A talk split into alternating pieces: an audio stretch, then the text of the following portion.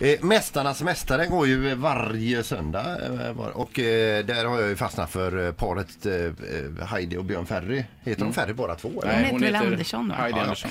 Men eh, Björn Ferry, han, det kommer ju grejer ur truten på honom hela tiden. Ines Karlsson, hon travtjejen, hon åkte ut igår. Och Ja, men skulle, ju- det skulle jo, du men jag inte kan säga. inte hjälpa att du inte har sett det. Så att, nu Jag har inte jag det. sett ett enda avsnitt. Så Men i alla fall, det var ju spoilers. nattduell mellan Ines och Heidi. Och, Nu bara strör du salt i ja, såret. Vann det här. Eh, och då kommer ju Heidi tillbaka in i huset och då säger Björn Ferry så här. Eh, jag är glad att det var Heidi som kom tillbaka från nattduellen. Inte för att jag inte gillar Ines utan för att Heidi faktiskt är min fru, säger.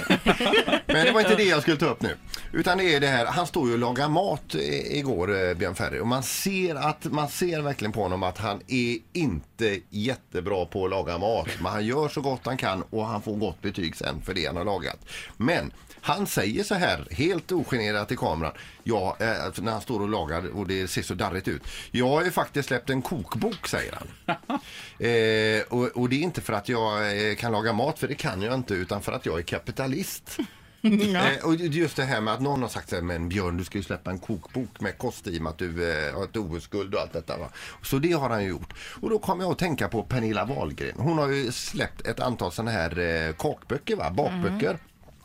Jag såg henne i ett program där hon var med och lagade mat. Hon såg ju helt vilsen ut. Jo men det tror jag Mm. överlag med alla de här kändisarna som släpper kokböcker. Det är ju inte deras recept på... på Men vi har hennes bo- kok- kakbok hemma. Jag Ja. känner mig lurad.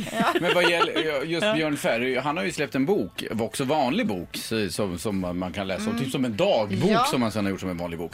Och där berättar han ju bland annat om den här kokboken som du är inne på. Grejen med den var ju att han slutade ju äta kolhydrater och åt bara LCHF och så vidare Mm. och vann OS-guld efter det.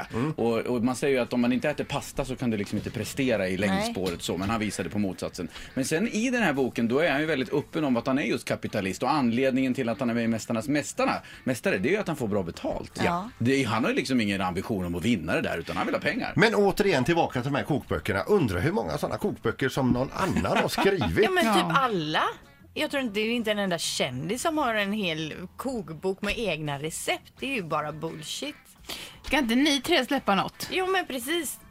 Det borde vi göra Sandholt. Ja. Vi, vi tar lite från Pernillas bok från Björn Ferry och så vi ut någon ingrediens Ja, och men vi sätter släpper ihop så här asavancerade rätter. egna bilder när vi står och Ja. ser ut som att vi lagar. Ja, vi är på. Vi Gud, kör. Vi kör. Perfekt. Ett poddtips från Podplay.